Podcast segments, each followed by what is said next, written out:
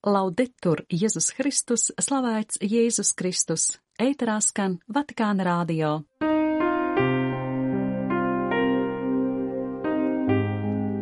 Esiet sveicināti, dārgie radio klausītāji!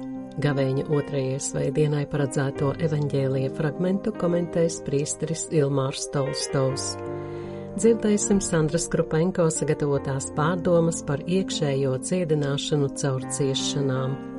Svētā Pētera bazilikā uzsākti Bernīni veidotā baldahīna atjaunošanas darbi. Eiropas evaņģēlisko baznīcu apvienība aicina lūgties par Ukrainu. 25. februāra raidījumu noklausīties aicina māsa Silvija Krilteža.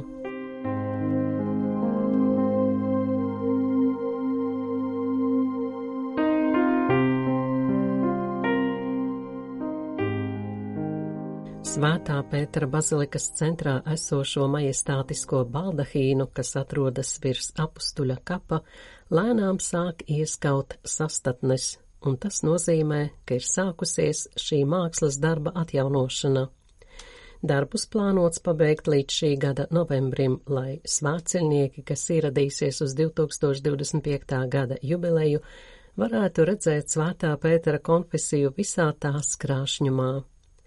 Bronzas baldahīnu veidojis Giovanni Lorenzo Bernīni. Mūsu uzdevums ir liels un atbildīgs gan mākslas darba vēsturiskās nozīmes, gan izmēra dēļ, stāsta inženieris Alberto Capitanucci, kurš ir atbildīgs par tehniskajiem jautājumiem. Viņš skaidro, ka baldahīns ir kā desmit stāvu ēka, jo no pamatnes līdz krustam ir 30 metri. Pirmais darba posms ir sastatņu uzstādīšana, kas pagaidām sasniedz divas trešdaļas no tās augstuma. Šī posma sarežģītība ir tā, ka ņemot vērā baldahīna nojumes būtību, mēs nevaram to izmantot kā balstu konstrukcijai, stāsta itāļu inženieris. Kapitanuči piebilst, ka tika nolemts saglabāt vietu, kas paredzēta altārim liturģiju svinēšanai visa gada garumā. Tādējādi visas pāvesta vadītās svinības, kas parasti notiek bazilikā, arī turpmāk notiks tur. Kapitanuči paskaidroja, ka restaurācijas procesā būtiska nozīme ir krāsām. Mums šeit ir priekšrocība, jo mēs strādājam ar divām krāsām - gaismu un tumsu. Tumsa ir bronza, gaisma - zelts. Līdzsvars starp abām krāsām ir dziļums un zelta spīdums, norāda inženieris Kapitanuči. Eiropas evaņģēlisko baznīcu apvienība aicina visas baznīcas piedalīties kopīgā lūkšanā saistībā ar Krievijas iebrukuma Ukrainā otro gada dienu. 2024. gada 24. februārī apritēja divi gadi kopš Krievijas iebrukuma Ukrainā. Iespējams, ka šajā karā dzīvību ir zaudējuši jau vairāk nekā pusmiljonu cilvēku. Vārdarbība, ciešanas un postījumi ir kļuvuši par daudzu cilvēku ikdienas dzīves sastāvdaļu. Tomēr mēs, kā cilvēki un kā baznīcas, nedrīkstam pie tā pierast. Teikts apvienības tīmekļa vietnē publicētajā paziņojumā par šo notikumu. Lūkšanu aicinājumā pausta solidaritāte ar Ukrainas tautu, kas cieš no kara. Loviate, Signore, per la tua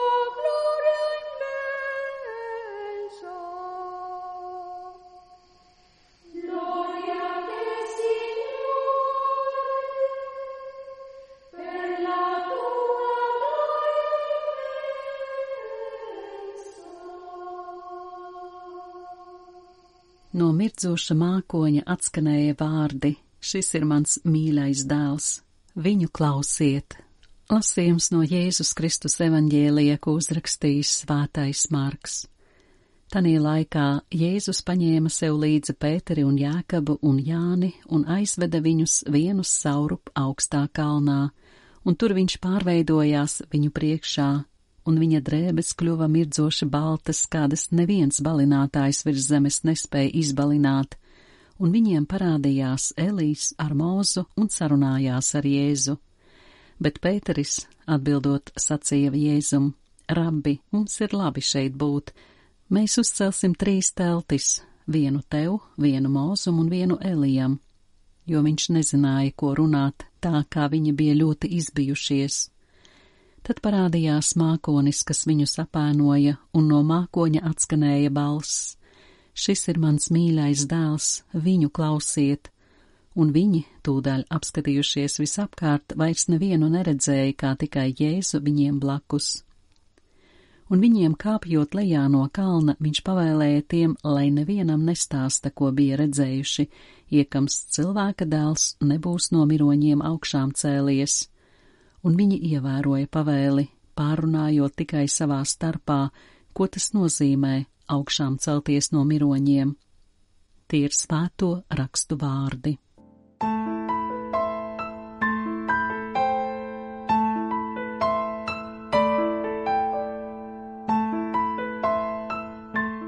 lai ir slavēts Jēzus Kristus. Dārgie Vatikāna radio klausītāji! Šodienas evaņģēlī lasījumā mēs dzirdējām, kā Jēzus dodas kalnā kopā ar trim saviem uzticamākajiem mācekļiem, lai tiktu Dieva godības apskaidrots.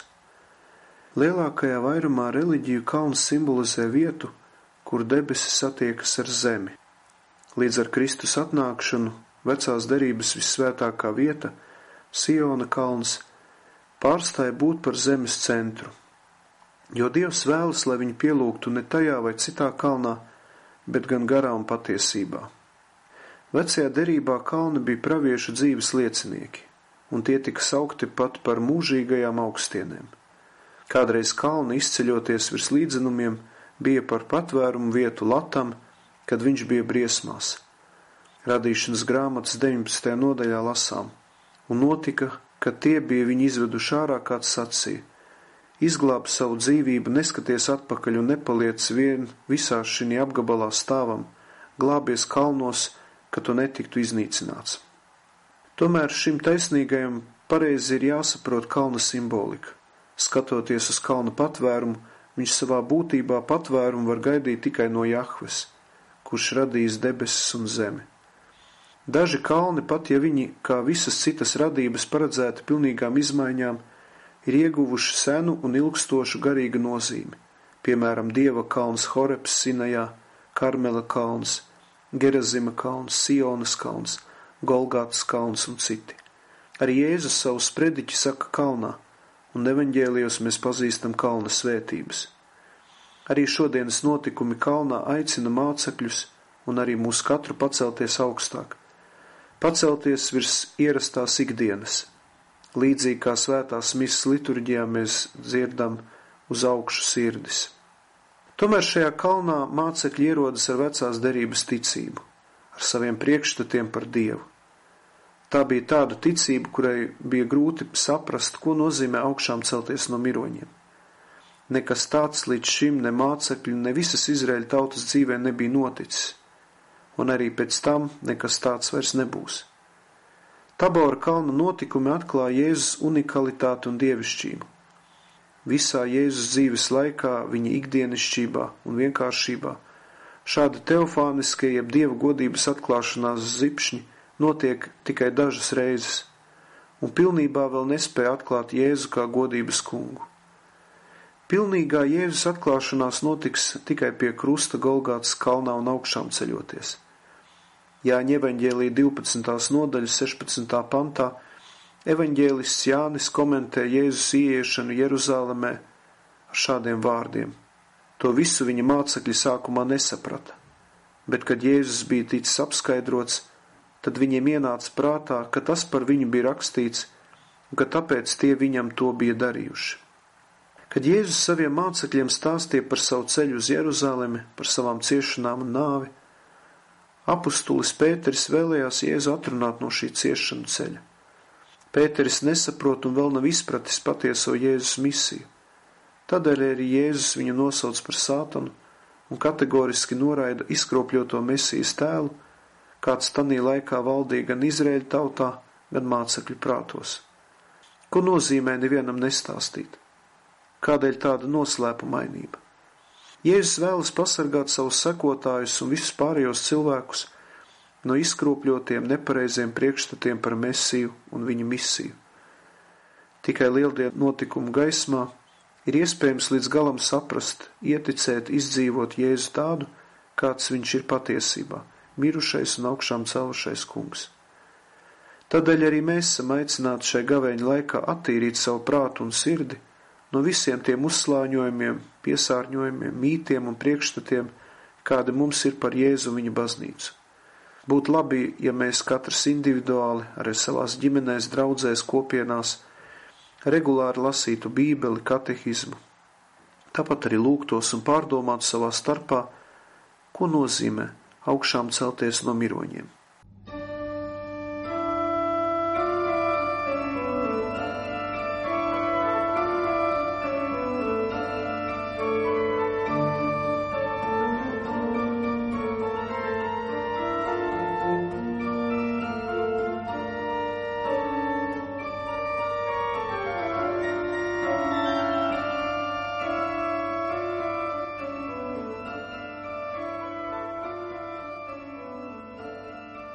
Dārgie Vatikāna radio klausītāji, aicinu turpināt ieklausīties pārdomās par iekšējo dziedināšanu.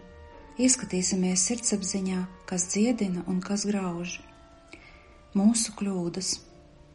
Kļūdīšanās mums atgādina par to, ka esam tādi, kādi esam, neizdēļoti. Tā ir kā atgriezeniskā saite, patiesa informācija par mums pašiem – nežēlīga, bet ļoti vērtīga patiesība. Pēc tā, kad esam ieskatījušies sevī, mēs vairs nevaram saglabāt savu nereālo tēlu, bet ir jāpieņem tas patiesais, varbūt ne tik iepriecinošais, bet patiesais un vienīgais, un tas svarīgais. Lūk, viens no lielākajiem labumiem, ko mums dāvā izdarītās kļūdas, piespiež cilvēku salīdzināt to, ko viņš domā par sevi ar to, ko par viņu saka viņa kļūdas.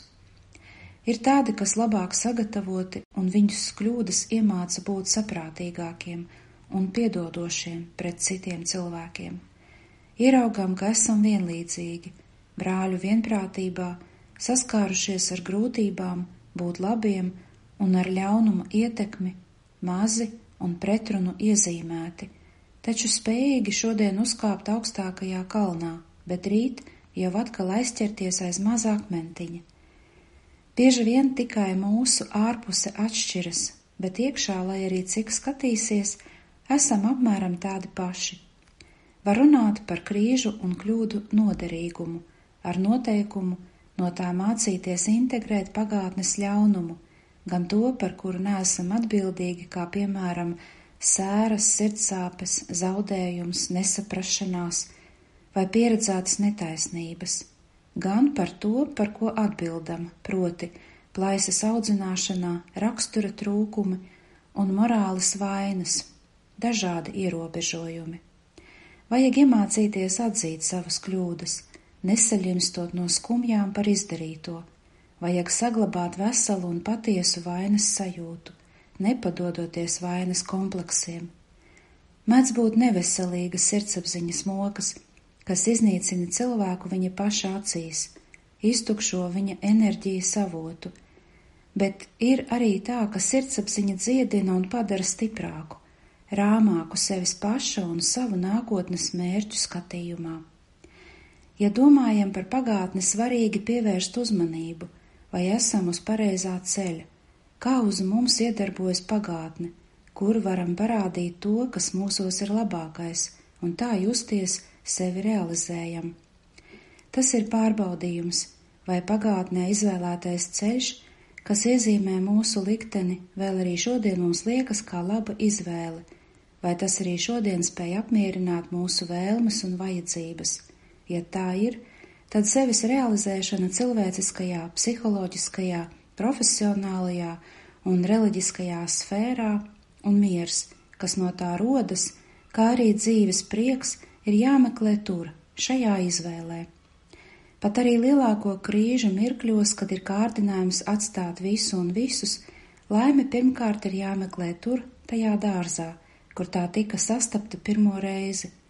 Vienmēr atgriezties tajā dārzā, iziet tam cauri, dažādos veidos, apskatīties, vai patiesi nepalika nekā, ko varētu izglābt, nekā, kas dzīvs, kas dotu prieka cerību, bet tikai pēc tam iet meklēt citur, un tas ir jādara pirmkārt, lai nenodotu sevi. Dzīves pagrieziens šajā sevis pazīšanas un pieņemšanas darbā ir viens ļoti svarīgs periods. Tā ir dzīves daļa apmēram no 32 līdz 38 dzīves gadiem. Slavens šveiciešu psihologs un psihiatrs Karls Gustavs Jungs, kas dzīvoja no 1875. līdz 1961. gadam, Freida mīļots māceklis, kas vēlāk atšķīrās no sava skolotāja dziļu personības interpretēšanas atšķirību dēļ, ar šo periodu saista to, ko viņš sauc par dzīves pagriezienu. Šo pagriezienu izlem ne tikai tas, kas notiek ap cilvēku, kaut arī veiksmes un neveiksmes profesionālajā karjerā, jūtu sfērā, pārcelšanās no vienas vietas uz citu, kā arī ar to saistītās izmaiņas attiecībās ar cilvēkiem. Tāpat ir svarīgi nedaudz mainītas attiecības ar sevi pašu, jauna sevis redzēšanas un apzināšanās veids. Šī pagrieziena būtība ir harmonija, personības dziļumos. Cilvēks labāk pazīst sevi, dzīvi, tas, no kā viņš sastāv, ko un cik dod, ko neļauj, par ko apdāvina un par ko soda, viņa priekus un ciešanas. Citiem vārdiem labāk pazīst visu to vareno panorāmu, kas atveras prāta acīm, kad runājam par cilvēcisko eksistenci. Turpinājums sekos.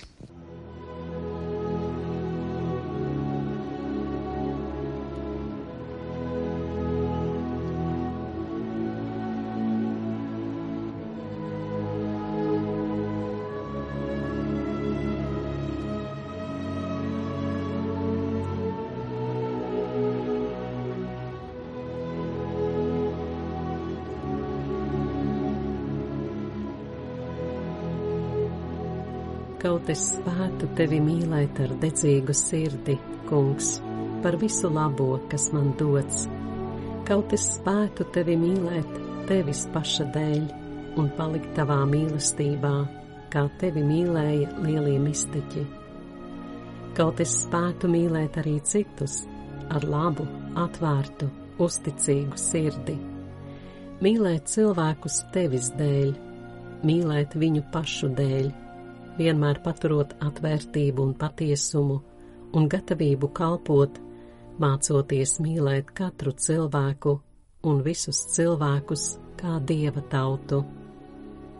Kaut es spētu mīlēt, kā tu mīli un kā es pats esmu tevis mīlēts.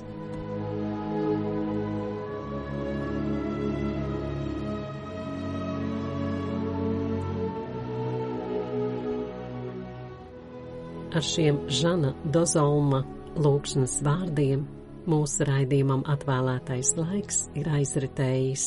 Mīļš paldies, ka bijāt kopā ar mums! Slavēts Jēzus Kristus, laudetur Jēzus Kristus!